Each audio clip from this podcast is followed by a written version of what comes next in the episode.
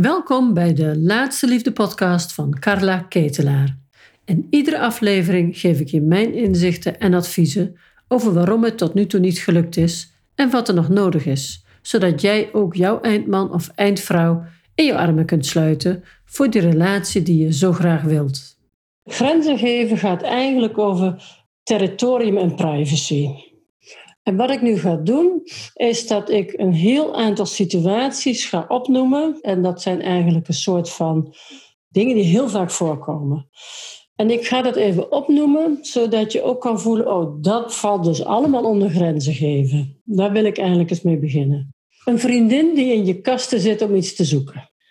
Een vriendin die commentaar geeft op de spullen op jouw bureau. Een vriendin die je jas aantrekt, Iemand die te dicht bij je komt, nou, dat zul je in dates ook vaak merken. Iemand, die kent wel, iemand die even jouw kleren recht trekt. Of zich even bemoeit met hoe je eruit ziet. Iemand die commentaar heeft op de rommel in je huis. Of die dat rommel vindt terwijl jij er lekker in voelt. Dat een ander hele directe vragen stelt over dingen die je eigenlijk liever niet wil vertellen. Dit zijn allemaal van die situaties, dat schurkt zo aan tegen jouw grenzen. En die noem ik even, zodat je echt kunt voelen, oh, dus dat is ook een grens. Daarom voel ik me ook heel vaak zo. Alle burn-out situaties en overspannenheid situaties gaan over grenzen geven. Als je het gevoel hebt dat je je leven leeft met de handrem erop, dat je je inhoudt, dat heeft ook met grenzen te maken. Je houdt je in omdat je bang bent dat als je echt voluit leeft, ja, uh, hoe zorg ik dan dat het me niet te gottig wordt? Of moet ik dat goed uitleggen? Als ik ten volle wil leven en ik ben niet goed in grenzen geven, ja, hoe, hoe ga ik dat dan doen? Dat is eigenlijk een soort onbekendheid dan. Dus je zou wel voluit willen leven, maar omdat je de grenzen nog niet goed kunt geven, durf je dat niet. Een grenzenkwestie is altijd rekening houden met anderen dat je heel veel geeft aan anderen. En ook dat je teleurgesteld bent als je het niet terug ontvangt. Hoogsensitief zijn, of gewoon sensitief, gevoelig zijn, doet ook een enorm beroep op ons grenzen geven. Heel graag iedereen tevreden willen houden. Je een slag in de ronde werken, zowel privé als op je werk. En iemand noemde de angst om gecoacht te worden om iets te moeten wat je niet wilt. Het gaat ook over bang zijn om te zeggen: Goh, dat kan je nou wel zeggen tegen mij, maar ik herken dat niet. Of ik voel dat niet zo. Er zit vaak een angst van een klein kind onder. Overroeld te worden. Nou, wat ook echt een grenzeneffect is, dat je je vaak meer slachtoffer voelt van een situatie dan dat je de grip op hebt. Heel veel vrijwilligerswerk doen is ook zo'n grenzensituatie. Als ZZP'er het heel krap hebben omdat je eigenlijk te lage prijzen vraagt voor het werk wat je levert. Nou, dingen doen om een ander tevreden te stellen. Anderen laten doorpraten terwijl het al lang niet meer interessant is, maar ratelen en dat niet in durven grijpen. En onderwerpen die je onprettig vindt, toch aan blijven horen. En het laatst zag ik er nog eentje. Als je op je werk tijd moet schrijven, dat je je daar schuldig over voelt. Interessant, hè? En hoeveel kanten. En dat is nog maar een greep. Hè? Er zijn nog veel meer uh, situaties waarin ja, je die grenzen kunt voelen. Nou, ik ga een paar vragen eruit halen die gesteld zijn. Dus dan, ga ik je er even over helpen. Nou, dan gaan we er een beetje inkomen in het grenzenstuk. En dan kunnen we dadelijk met de eerste vraag ook aan de slag gaan. Een belangrijke vraag die een paar keer terugkwam was: ik besef me vaak achteraf pas dat ik over een grens ben gegaan. In het moment zelf voel ik het niet zo als over de grenzen heen gaan. Voel geen irritatie of boosheid. Hoe kun je meer alert zijn op signalen? Zodat je in het moment zelf al kunt reflecteren dat er over jouw grenzen heen gegaan wordt. Ik ga toch eventjes beginnen met de irritatie en de boosheid. Met grenzen leren omgaan, daarvoor is het heel fijn dat je contact gaat krijgen of leggen met je irritaties. Als wij ons over het algemeen geïrriteerd voelen, dan zeggen we heel vaak: ah, de ander bedoelt het niet zo wat. Of uh, ach, ik moet het niet zo moeilijk doen. Of uh, ach, dat heb ik nou altijd. Dus we zoeken het veel meer bij onszelf. En we poetsen meestal die irritatie een beetje weg, want irritatie of boosheid willen we niet. Dat betekent dat we ons niet helemaal happy voelen. Maar ik wil echt irritatie, boosheid, dat eerste friemeltje van binnen, wil ik echt in ere herstellen. Want dat is onze eerste herkenpunt. Dat is eigenlijk een soort alarmbel van hier gebeurt iets wat niet goed voor mij voelt.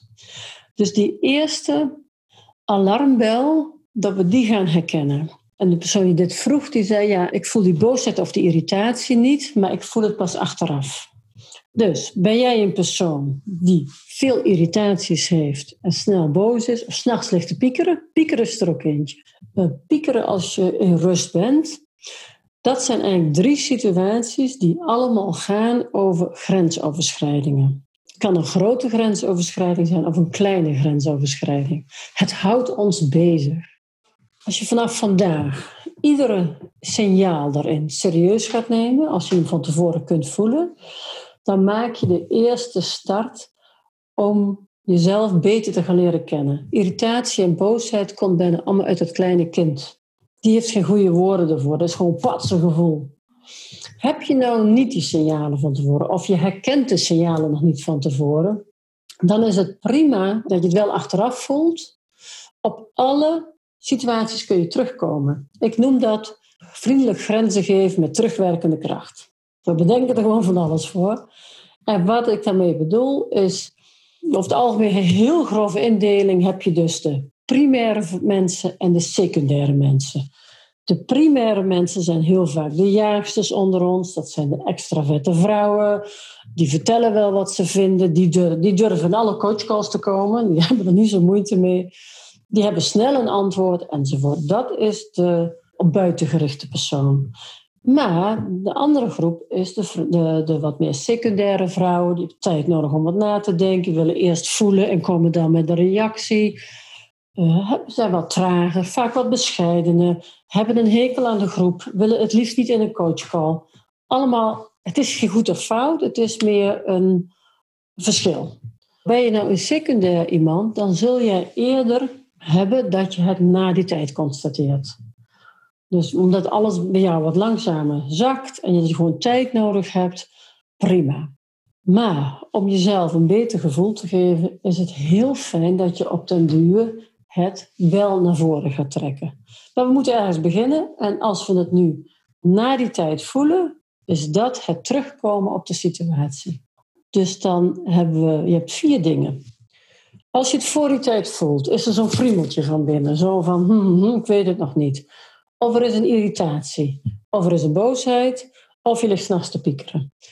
Die vier dingen kun je in jezelf gaan herkennen als er is hier iets niet wat ik fijn vind. Of er wordt over mijn grens. Het zijn altijd mini-grensoverschrijdingen. Of je hebt de nummer vijf en dat is het na die tijd constateren dat het een bepaald gevoel heeft.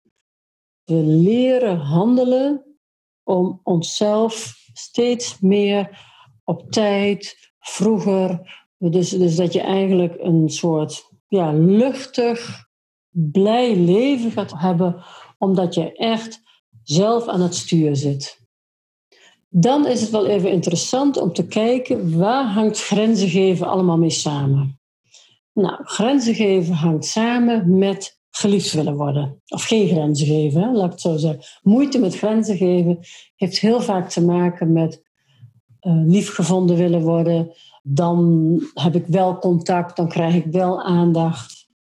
En iemand zei: Ik koppel grenzen geven aan verlies, aan angst om afgewezen te worden. En dat is denk ik de kern van waarom we het zo weinig doen. Of waarom we bang zijn om het te doen. En die angst voor verlies en angst om afgewezen te worden is eigenlijk de angst van het kleine kind. Dus die, die pijn van een meisje zit daar gewoon onder. Dus vandaar dat ik altijd zo zeg van laten we meer aandacht naar ons volwassen deel brengen. Want onze volwassenen hebben we nodig om een gewoon gezonde grens te kunnen geven. De volwassene heeft iets minder last van dat, oh, als ik maar verliefd word. Dat is echt een kleine meisje. Dan is er nog het verschil tussen dat grenzen geven vanuit de volwassenen. Dan kun je dat vriendelijk en op tijd. Of ook als je te laat bent of je hebt het later, voel je dat. dan kan je je realiseren, oh wacht even, dit situatie is nu gebeurd. Ik voel me er achteraf toch zo vervelend bij. Wat is dan een volwassen reactie? Dat je zegt, goh, je nodigde de hele familie uit voor het eten. En ik merk toch dat ik dat niet prettig vind. Dus ik besluit om niet te komen. He, je extra zit of weet ik wat, allemaal ingewikkelde dingen. Dus dat je alsnog zegt van weet je, het ging allemaal heel snel. Maar nu ik het goed nagevoeld heb, heb ik toch een andere beslissing genomen. Nou, en dan is dat een grenzen geven met terugwerkende kracht. En dan kan je dat vriendelijk doen. Dat is dus de volwassen grens. Maar er is ook angst, en, en niet onterecht, omdat we grenzen geven vanuit overlevens. Hè? Dat we in de pleaser zitten of in de aanpassen. Dan kunnen we, als je in de pleaser of de aanpassen zit, als dat een van jouw overlevens is, dan is het lastig om grenzen te geven. Eigenlijk kan dat. Een overleven zoals de pleaser, die zal heel slecht grenzen geven, omdat hij bang is dat hij dan iemand verliest. Of dat hij niet voor de lieve vrede zorgt. Want ja, als jij ergens nee zegt op een familiefeest en iedereen, oh, spelbreker, of oh, doe niet zo ongezellig. Ja, dan ga je wat reacties krijgen. Nou, en dat onderzoeken van je overlever en aanpassen, en dat ook weer in verbinding brengen met je volwassenen, maakt dus dat je de grens niet meer vanuit je overlevens hoeft te geven. De grens uit de overleven geven is bijna altijd een boze, een gefrustreerde. Dan zijn we eigenlijk altijd een beetje in ons slachtoffer. Wil je een grens goed geven, is het belangrijk dat je je eigen behoeftes kent en je wensen. Je kunt pas een grens geven als jij weet wat je wilt en wat je niet wilt. En vandaar altijd dat ik ook zeg, als jou een vraag gesteld wordt, ga vanaf nu altijd even tijd inbouwen. Dus uh, nou, hartstikke fijn dat je het vraagt. Ik moet er heel even over nadenken. Lief dat je aan me denkt, maar ik moet, er, ik, heb, ik moet eventjes tijd hebben om, om uh, te zien wat ik ermee wil. Morgen heb ik een antwoord voor je, volgende week uh, over 10 minuten. Dus meestal afhankelijk van de grootte van de vraag neem je daar wat meer tijd voor. Ga dat consequent doen. Want in die periode kun je vanaf nu aan jezelf vragen: wat betekent een ja op deze vraag voor mij? Nou, betekent dat dat ik dan alle avonden druk ben of dat ik altijd weer lastiggevallen word met ingewikkelde vragen van anderen? Als je ergens iets, iets een ja moet, een bestuursfunctie of een, weet ik veel waar we voor gevraagd kunnen worden. Het antwoord is: wat betekent een ja van mij op deze vraag? En dan heb je een beeld van. En dan is de volgende vraag, en heb ik daar zin in? Wij mogen geen zin in dingen hebben. Het is ons natuurlijk afgeleerd. Hè? We worden allemaal opgevoed met flink zijn, niet zo moeilijk doen. Eigenlijk worden we allemaal een beetje opgevoed met pas je nou maar aan. Dan is het mooi rustig en hebben we, ja, dan gaat het het makkelijkst. Maar daarmee wordt ons afgeleerd dat wat wij zelf willen heel belangrijk is.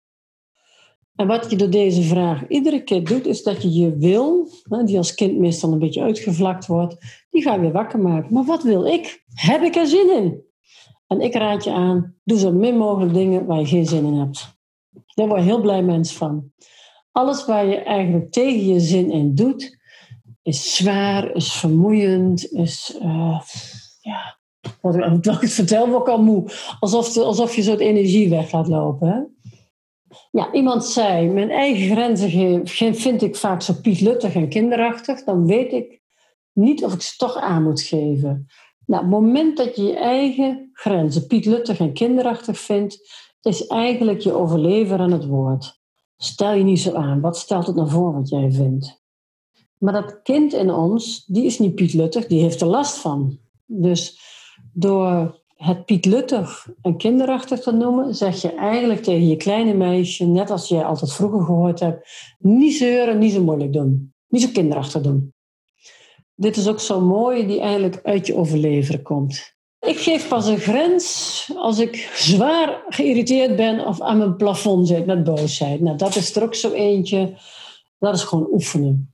Het hele grenzengeefverhaal vergeet niet, je, bent, je hebt de leeftijd nu, en zo oud als je bent, met vijf jaar eraf, heb je dit ongeveer geleerd. Dus het heeft 30 jaar, 40 jaar, 50, 60 jaar ben je al op deze manier gewend dit zo te doen. Dus verwacht niet van jezelf dat je, als je de eerste tien keer een grens geeft, dat het tien keer lukt. Als je de eerste tien keer een grens geeft en het lukt de één keer, dan doe je het al heel goed. Het feit dat we het pas doen omdat we heel boos zijn, betekent eigenlijk dat je de eerdere stukjes daarvoor nog niet herkend hebt.